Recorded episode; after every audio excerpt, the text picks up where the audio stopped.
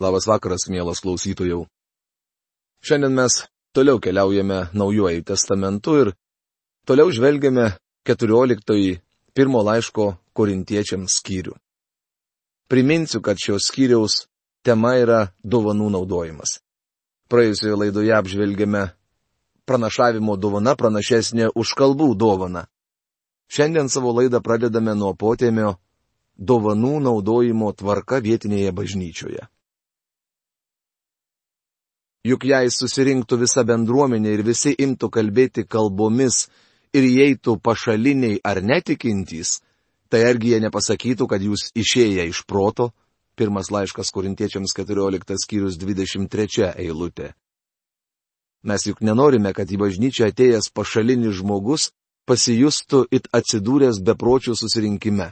Šiandien mums reikia tikinčiųjų, kurie Dievo žodį perteiktų logiškai ir prasmingai.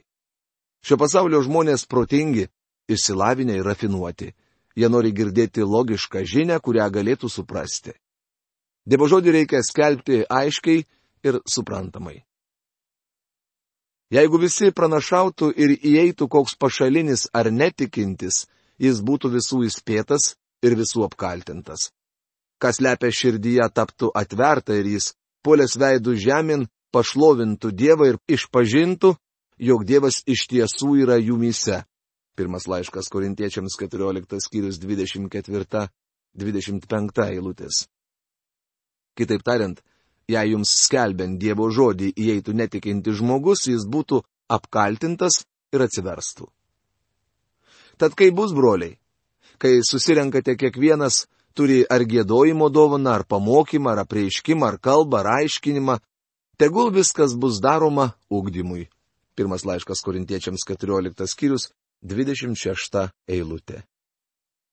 Jei vienas žmogus kalba kalba, kitas privalo versti, bet to žinia turi ugdyti klausančiuosius.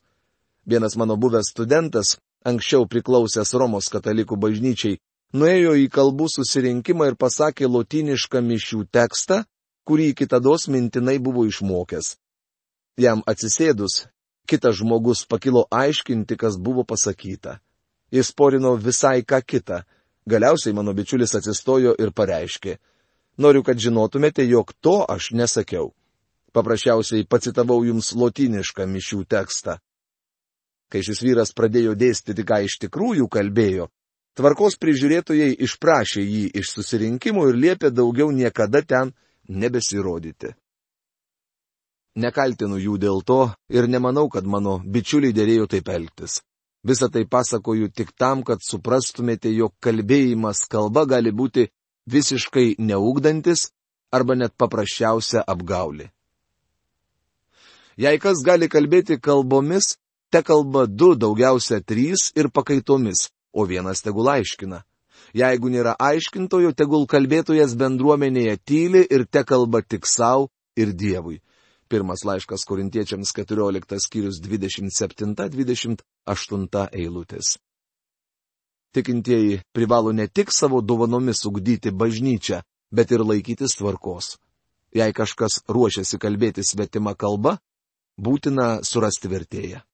O žinia, kurią nori pasidalinti šis žmogus, privalo atitikti Dievo žodį. Antraip ji bus be Dievo dvasios. Galite tuo būti tikri. Jei nėra vertėjo arba du trys jau pasisakė, norintisis kalbėti kalba privalo patilėti.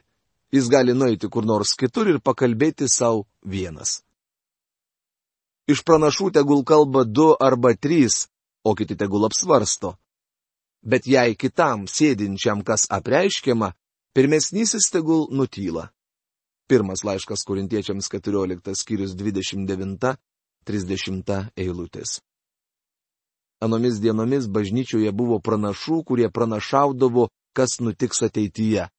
Mes žinome, tai pranašavo Pilypo dukteris, žiūrėkite paštalų darbų 21 skyriaus 9 eilutę.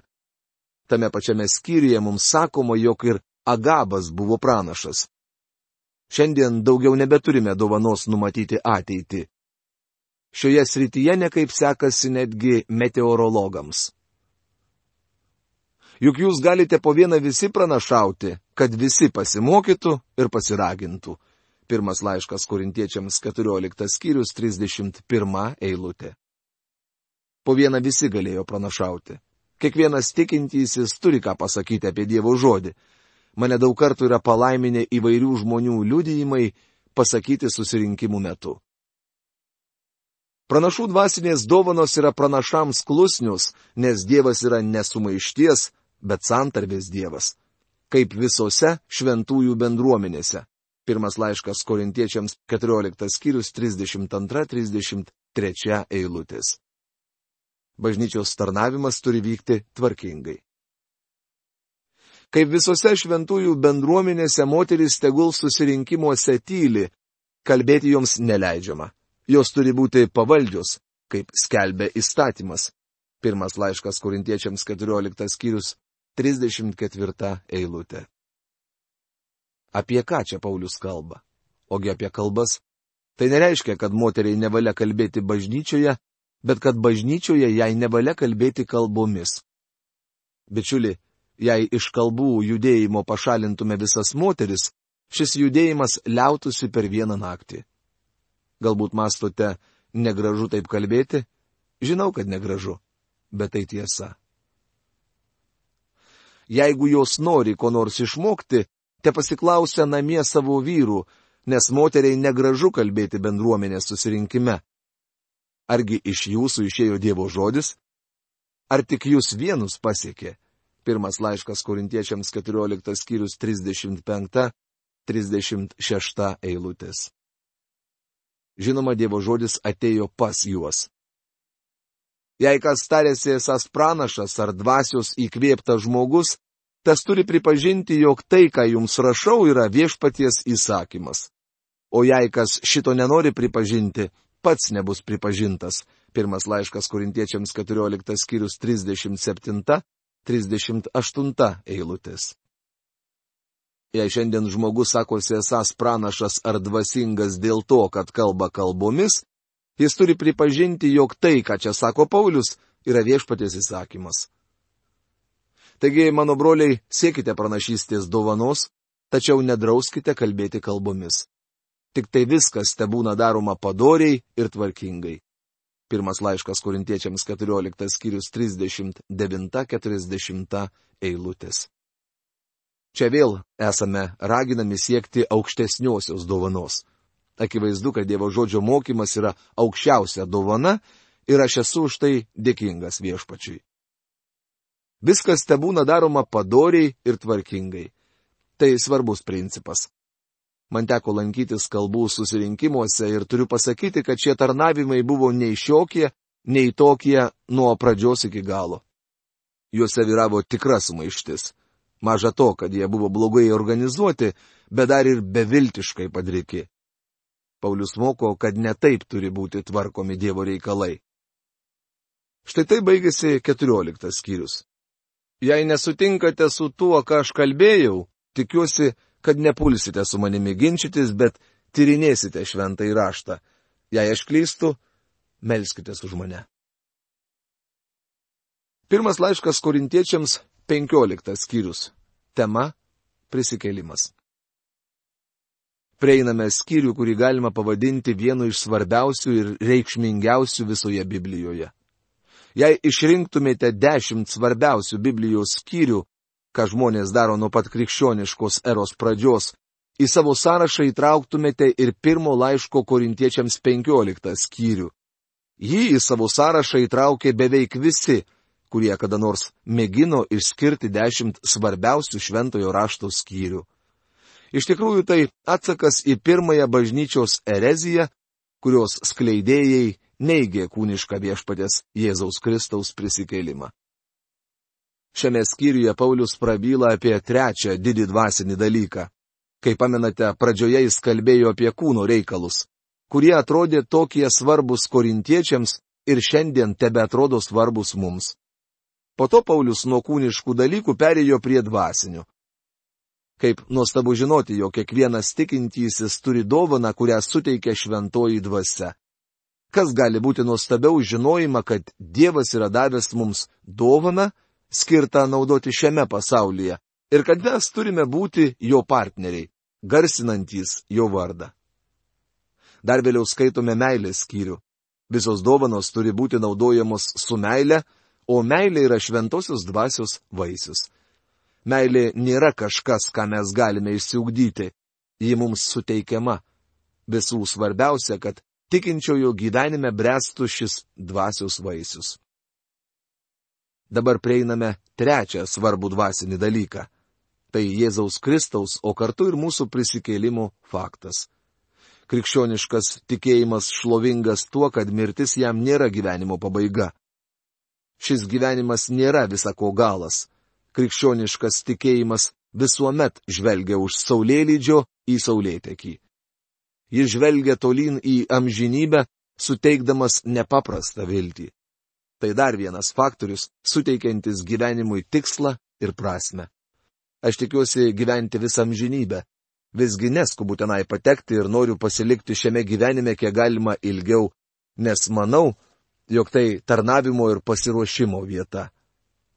Manding mūsų atlygis priklausys nuo to, ką darome šioje žemėje.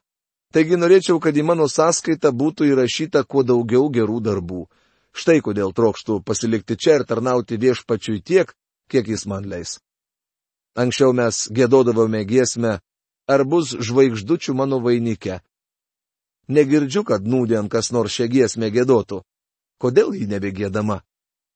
Todėl, kad žmonės stengiasi būti žvaigždėmis šioje žemėje o kad mūsų požiūris būtų toks, kokį tikinčiajam turėtų suteikti Jėzaus Kristaus prisikėlimas. Mes užmiršome Kristaus įžengimą į dangų ir mūsų žvilgsnis nukrypo į nesminius dalykus. Dėl to paviršutiniškų krikščionių gyvenime viena tragedija keičia kitą. Šiame reikšmingame skyriuje, kuriame kalbama apie prisikėlimą, iš tikrųjų perteikiama Evangelija. Tai parodo, kad svarbiausia Evangelijos dalis yra Kristaus prisikėlimas. Iš tikrųjų, be jo visa kita, netgi Kristaus mirtis yra beprasmiška. Kaip rašoma laiško romiečiams ketvirtos kiriaus 25 eilutėje, jis buvo paukotas dėl mūsų nusikaltimų ir prikeltas mums nuteisinti. Savo mirtimi Kristus panaikino mūsų nuodėmės, o prisikėlimu užtikrino mums atvirą ir palaimintą kelią į dangų. Mes stovime jo teisume. Jis buvo paukotas dėl mūsų nusikaltimų ir prikeltas mums nuteisinti. Prieš pradedant nagrinėti šį skyrių dėrėtų labai aiškiai apibriežti prisikėlimo prasme.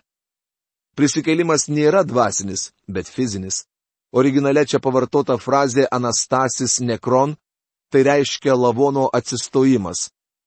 Šitie mūsų kūnai bus prikelti. Šventajame rašte prisikelimas visuomet siejamas su kūnu. Anastasis reiškia atsistoti. Histemi reiškia priversti atsistoti. Anna reiškia kūno atsistojimą.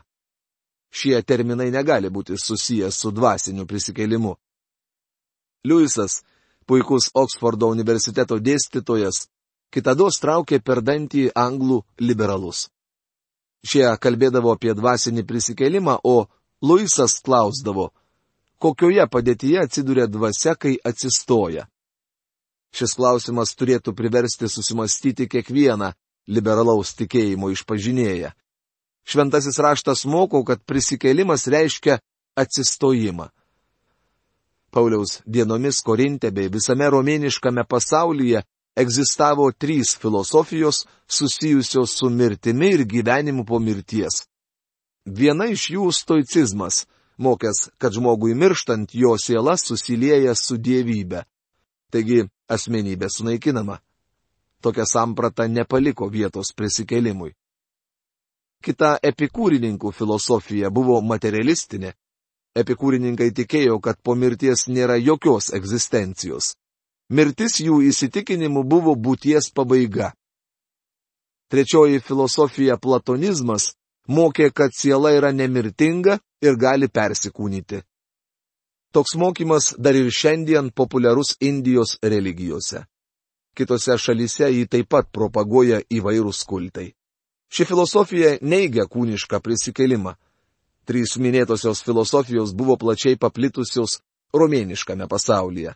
Štai kodėl Pauliui paminėjus Kristaus prisikelimą Atenuose, klausytojai pamanė, kad jis kalba apie naują Dievą. Mes turime labai aiškiai suprasti, kad Paulius nekalba apie dvasinį prisikelimą. Siela nemiršta. Mirus kūnui žmogus akimirksniu patenka į vieną vietą iš dviejų. Jei jis yra Dievo vaikas, palikęs kūną įsikūrė pas viešpati. Žiūrėkite antrą laišką korintiečiams penktą skyrių, šeštą, aštuntą eilutes. Jei žmogus nėra Dievo vaikas, jis patenka į kančios vietą, kaip ją apibūdino mūsų viešpats. Šį skyrių galima būtų suskirstyti taip. Pirma, Kristaus prisikelimas - svarbiausia Evangelijos dalis. Pirma ketvirta eilutės. Antra. Kristaus prisikelimo įrodymai - penkta devinta eilutės. Trečia. Prisikėlusio Kristaus laimėjimai - 20-28 eilutės. Ketvirta. Prisikelimo eiga ir forma - 29-50 eilutės. Bei penkta. Prisikelimo gale 51-58 eilutės. Kristaus prisikėlimas - svarbiausia Evangelijos dalis. Paulius teigia, kad Kristaus prisikėlimas yra Evangelijos dalis. Iš tikrųjų, be jo prisikėlimo nebūtų ir Evangelijos. Daktaras Mačenas tvirtina, kad krikščionybė remiasi ne idėjų ar pažiūrų sistema, bet faktais. Evangelija yra ne dešimt įsakymų ar kalno pamokslas, bet visuma faktų susijusių su vienu asmeniu, tai yra Jėzumi Kristumi. Dabar paklausykite, kaip šią mintį išreiškia Paulius. Broliai, aš aiškinu jums Evangeliją, kurią esu jums paskelbęs, kurią priėmėte, kurioje stovite ir kuria busite išgelbėti, jeigu jūs laikotės taip, kaip esu jums paskelbęs, antrai būtumėte veltui įtikėję. Pirmiausia, aš jums perdaviau, ką esu gavęs būtent. Kristus numirė už mūsų nuodėmės, kaip skelbė raštai. Pirmas laiškas korintiečiams 15 skyrius, pirma ketvirta eilutės. Kartai žmonės klausia, ar Paulius davė pradžią Evangelijai. Apaštalas sako, aš jums perdaviau, ką esu gavęs. Iš ko ir kur Paulius gavo visą tai? atokioje Arabijos dykumoje, kur viešpats buvo nuvedęs jį, kad pamokytų. Komet viešpats užklupo šį vyrą pakeliu į Damaską, jis nežinojo, jog Jėzus buvo prisikėlęs iš numirusių. Paulius paklausė, kas tu esi viešpatė. Jis nė nenutokė, kad tas viešpats yra Jėzus. Paulių reikėjo įtikinti dėl Jėzaus Kristaus prisikėlimo. Tai netėjo jam į galvą savaime. Paulius gavo šią tiesą iš viešpaties. Apaštalas sako, kad aiškina jiems Evangeliją. Kas yra Evangelija? Kristus numirė už mūsų nuodėmės, kaip skelbė raštai. Jis buvo palaidotas ir buvo prikeltas trečią dieną, kaip skelbė raštai. Štai kas yra Evangelija. Tai faktai. Bičiuli, be šių trijų faktų negali būti ir Evangelijos. Jie ir yra Evangelija. Jėzus Kristus numirė už jūs ir už mane. Jis buvo palaidotas ir prisikėlė. Tai Evangelija. Geroji žinia. Darkime šiandien jūs ateitumėte pas mane ir sakytumėte. Mokytojau turiu jums gerų naujienų. Norėčiau matyti jūs milijonieriumi. Aš atsiliepčiau, kągi, būtų puiku. Tuomet jūs išdėstytumėte man savo planą. Susiraskite darbą ir po tūkstančio metų būsite vertas milijono. Aš atsakyčiau, tikrai norėčiau turėti milijoną, galėčiau panaudoti šios pinigus Evangelijos skleidimui, bet jei manote, kad savo darbu galiu užsidirbti milijoną dolerių, klystate. Ši naujiena naip tol nėra gera. Tiesą sakant, tai bloga naujiena. Bet štai tarkime, jūs ateinate pas mane ir sakote, radau žmogų, kuris domėjosi jumis.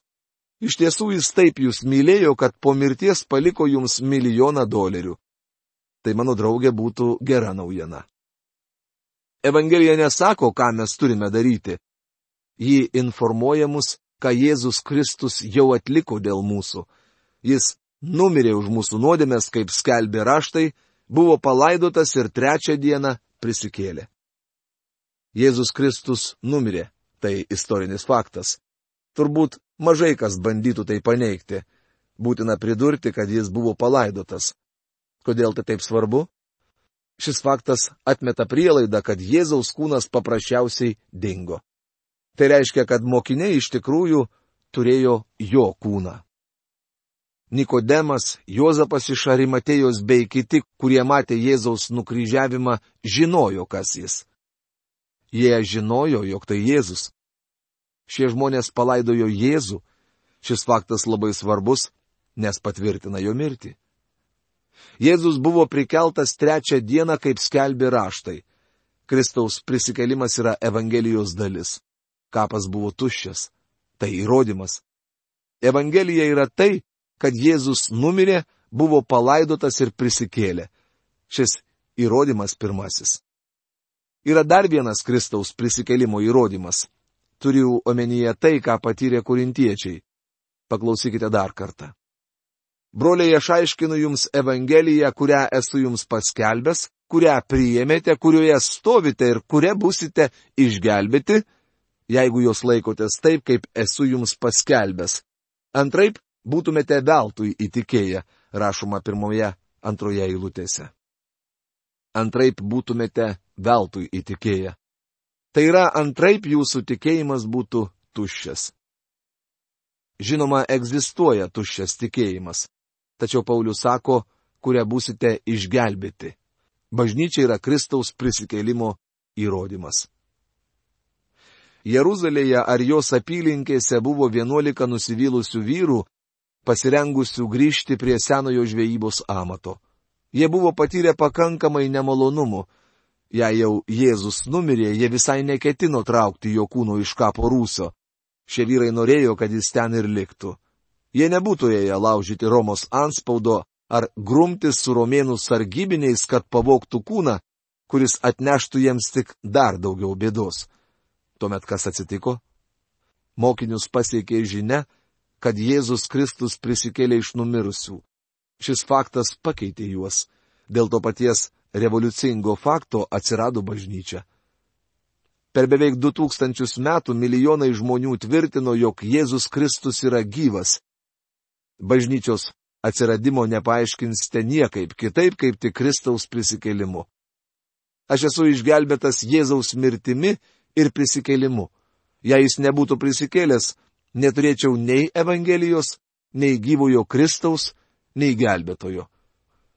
Tikinčiųjų kūno egzistavimas yra antras ir labai svarbus Kristaus prisikėlimo įrodymas.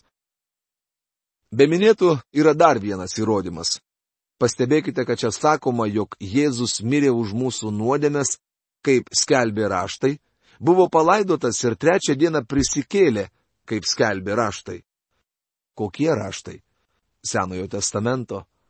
O kad būčiau galėjęs lydėti Paulių, kai jis atvykęs į Europą aplankė Filipus ir Tesaloniką, o dar vėliau patraukė į Atenus bei Korintą. Manau, kad apaštalas nešiojosi su savimi pergamentą, kuriame buvo surašytas Senasis testamentas. Įsivaizduoju, kad jam atėjus į sinagogą ir paminėjus viešpatės Jėzaus mirtį, žydai kalbėjo, bet to nėra mūsų raštuose. Tuomet apaštalas išviniodavo pergamentą, surasdavo pradžios knygą ir tardavo, norėčiau priminti jums, kaip Abraomas aukojo Izaoką. Šis patriarchas atgavo sūnų iš mirties, jis buvo pasirengęs užmušti berniuką. Bet štai Dievas nepagailėjo savo sunaus ir atidavė jį už mus visus. Tuomet Paulius surasdavo tą Senojo testamento vietą, kur kalbama apie Mozės aukų sistemą, penkias aukas aprašytas kunigų knygoje ir parodydavo, kaip jos simbolizuoja Kristų. Dar vėliau primindavo žydams didžiąją permaldavimo dieną ir du ožius, kurie simbolizavo Kristaus mirtį ir prisikėlimą. Taip pat perskaitydavo pastraipą apie išsprogusią Aarono lasdą bei Jonos knygą, kur simboliškai vaizduojamas prisikėlimas.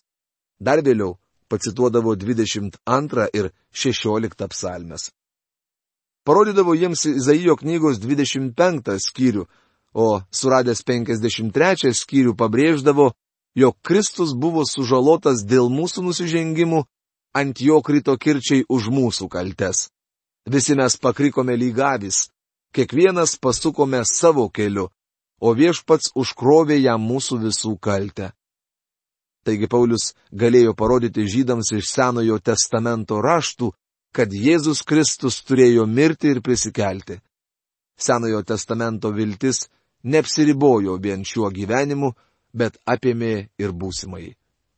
Kai kurie žmonės sako, kad netiki ateities religiją. Jiems reikia tokios religijos, kuri būtų naudinga čia ir dabar. Leiskite pasakyti, kad manoji religija prasminga tiek čia ir dabar, tiek ateityje. Mielas klausytojau, toliau 15 skyriaus apžvalgą mes pratesime kitoje mūsų laidoje. O šiandien mūsų laikas baigėsi. Iki malonaus sustikimo. Sudie.